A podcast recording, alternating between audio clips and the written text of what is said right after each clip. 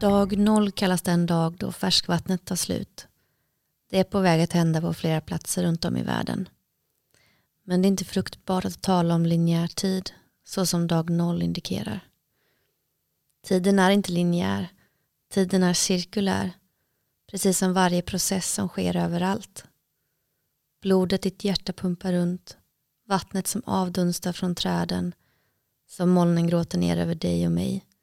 Runt, runt. Men kristenhetens förståelse av tid är linjär. Caroline Merchant skriver i Reinventing Eden, The Fate of Nature in Western Culture att den kristna berättelsen består av två poler. Början och slutet, skapelsen och frälsningen. I ett sådant narrativ är siktet på slutet. Klimatkatastrofen tolkas för hundra år sedan idag som tecken i tiden. Tecken på tidens ände, tecken på domedagen. Citat, det är hemskt för alla, rena apokalypsen. Slutcitat. En boende tittar ut över den vattenfyllda lokalen i det översvämningsdrabbade Verviers i Belgien. Jag inser att vi sitter fast i den raka linjen. Dante skulle beskrivit det som ett limbo, den första kretsen i helvetet. Den när vi står precis bakom en framtida gräns.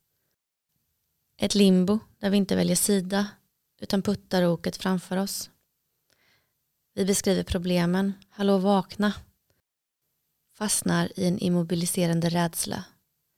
Vi blickar framåt, googlar flyktingströmmar år 2030, koldioxidutsläpp år 2045, havsnivåer år 2050. Vad ska hända när? Men tiden är inte linjär, den är cirkulär. Vi är inte fast i ett limbo. Vi har öppnat den eskatologiska grinden och äntrat klimathelvetet. Vi inväntar inte en annalkande domedag. Naturen har redan haft den. Kapitalismen är utdömd. Aldous Huxley, mest känd för sin dystopiska roman A Brave New World, skrev i Point Counterpoint 1929 Why shouldn't they be unhappy? How do you know that the earth isn't some other planet's hell? Vårt egna pinorum är allomfattande, komplext, dialektiskt, beroende av helheten. Rummet går inte att förstå uppdelat, går inte att mekanisera. Ändå är det projektet som den liberala demokratin alltid lett. Den att mekanisera, tämja och kontrollera den vilda naturen. De barbariska skulle låsas in, kvinnor i mentalsjukhus och svarta i fängelse. Uppsteg den vita, europeiska, kristna och civiliserade mannen med siktet på paradiset. De ville återskapa lustgården på jorden.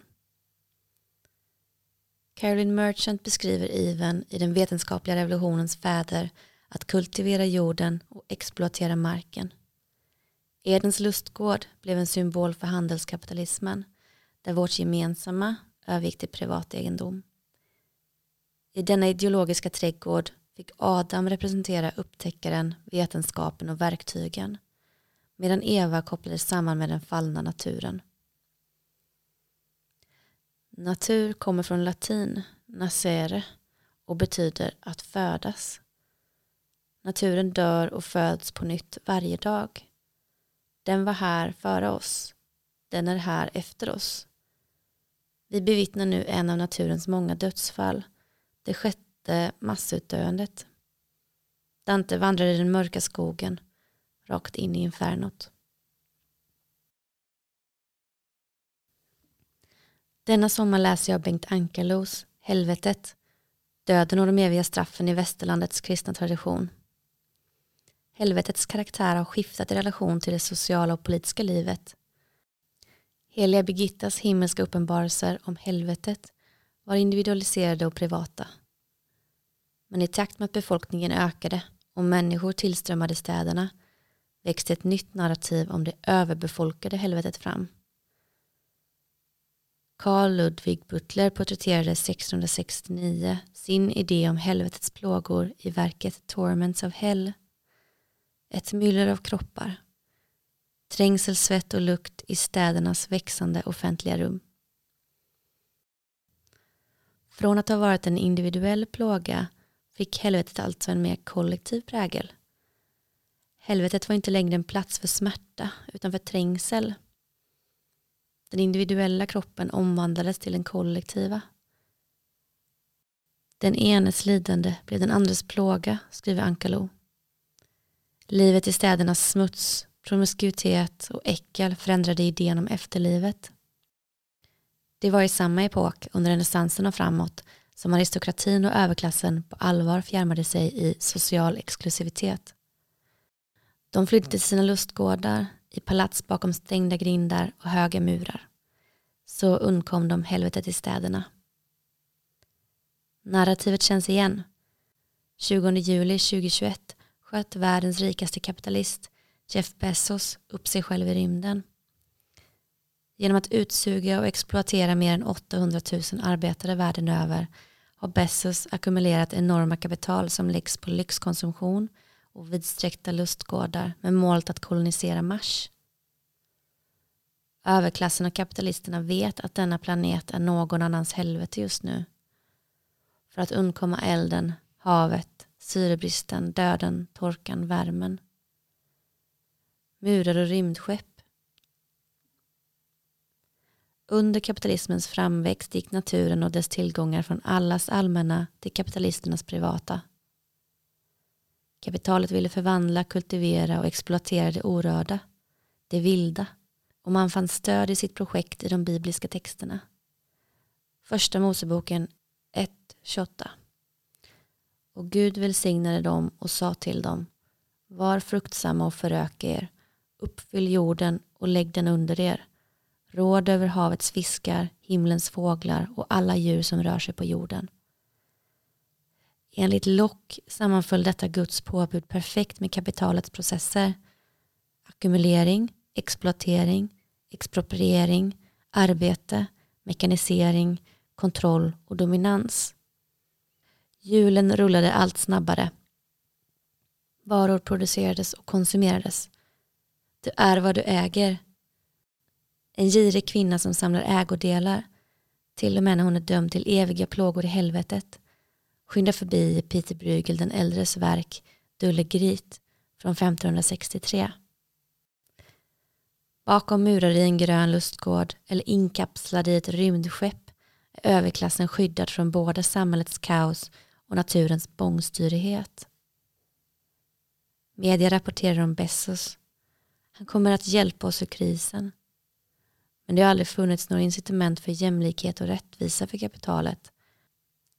Den drivs fram av mervärdesutsugning. Mark, tillgångar, människor och naturresurser Kapitalet slukar allt likt ett svart hål.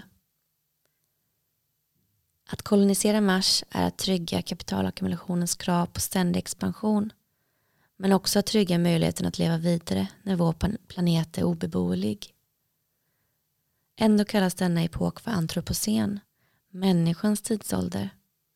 Ingenting kunde vara mer missvisande. Somliga kallar epoken för kapitalocin, en mer korrekt benämning. Kapitalet har förändrat naturens rötter så pass att rötterna nu förändrar oss. I en läckt IPCC-rapport konstaterar forskare vårt liv på jorden kommer fundamentalt förändras redan de kommande årtiondena. Läget är värre än man tidigare förstått. Ibland tror jag att jag har sörjt färdigt, gått igenom alla Kübler-Ross fem sorgefaser.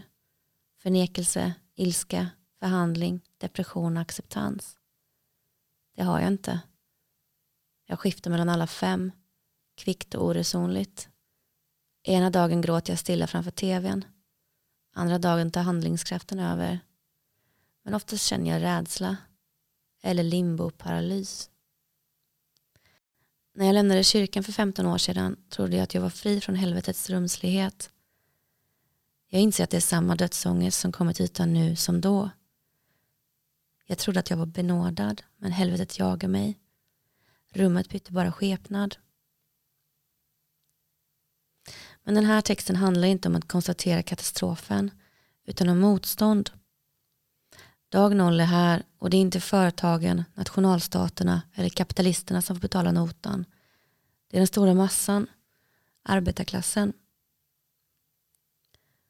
När det är vattenbrist i Skåne meddelar experterna vattna inte, duscha inte för länge, stäng av din kran. Samtidigt krävs 15 000 liter vatten att producera ett kilo nötkött och 6200 liter att producera ett par jeans i kapitalets fabriker. Ingen pratar om det utan bördan läggs på dig och mig. Kanske är vi tillbaka i heliga Birgittas individualiserade pinorum. Det är inte överbefolkning som dödar utan idén om den egna individens ansvar. Det syns även i konsten där helvetet från 1800-talet och framåt återigen fick en individualiserad prägel. I ett självporträtt från 1903 är Edvard Munch fast i helvetets boning. Marx talade om ett dubbelliv som arbetarklassen tvingas leva, där vi delas upp, likt naturen under lupp, i två separata delar. Dels som en lönarbetande medborgare som lyder under staten, dels som en individ och privatperson. Detta dubbelliv skadar vår förmåga till solidaritet, skadar vår förmåga att se helheten i våra liv. Citat. Där den politiska staten uppnått sin fulla utveckling lever människan inte bara i tänkandet, i medvetandet, utan också i det praktiska livet ett dubbelliv. Ett himmelskt och ett jordiskt liv. Ett liv som politisk samhällsvarelse där hon ser sig endast som samhällsvarelse och ett liv i det civila samhället där hon ser sig som privatperson och där de betraktar andra människor som medel och förnedrar sig själv till medel, till lekboll för främmande makter.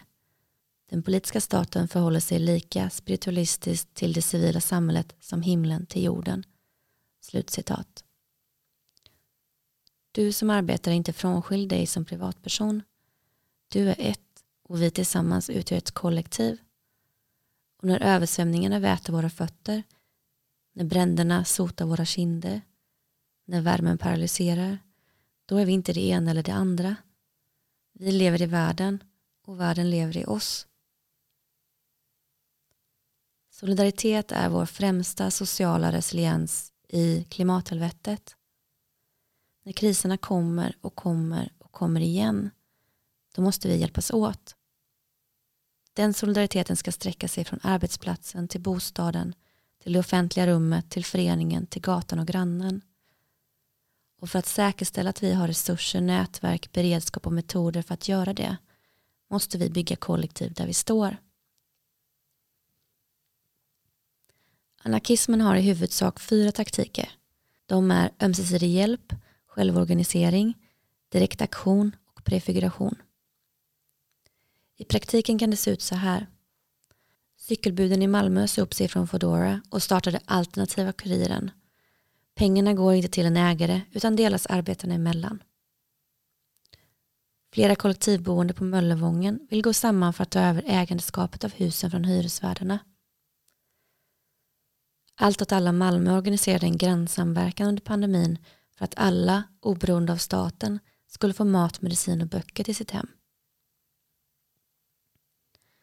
Visst, jag hade velat se globala generalstrejker och arbetarklassens övertagande av produktionsmedlen.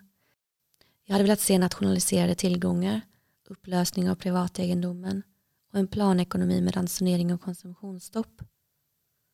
Men jag förutspår inte att det kommer hända inom kort. Klimatkatastrofen är här och jag behöver hitta taktiker för att hantera klimatkatastrofen idag, inte om tio år. En av mina favorittaktiker är därför prefiguration. Det är att skapa en utopi. Att här och nu skapa det samhälle man vill ha. Prefigurationen är inte linjär, inte ett sedan, utan ett nu. Den ger oss inspiration att hitta frön till ett potentiellt utopiskt samhälle och odla dem. Solidaritet är en sådan prefiguration. Det ryms både i min utopi och nutopi. Ett samhälle där människor erkänner sitt beroende av varandra men också erkänner vår historiska utveckling som varit helt beroende av solidariteten. Det är genom tillit och samarbete som vi människor har levt och överlevt. Varje dag tänker jag, vad ska vi göra? Jag tror att det viktigaste man kan göra just nu är att odla solidariska attityder för att skörda beteendena när kriserna är här. Fler översvämningar, allvarligare värmeböljor och envisare bränder. Men också mer fattigdom, mer hemlöshet, ytterligare mat och vattenbrist. Det är svårt att veta hur, var och när kriserna kommer. Det enda vi vet är att de kommer. Dag noll är idag. Det man ska fråga sig är hur sår jag solidariska frön där jag står? Solidaritet, precis som klimatkatastrofen, är också ett självförstärkande kretslopp.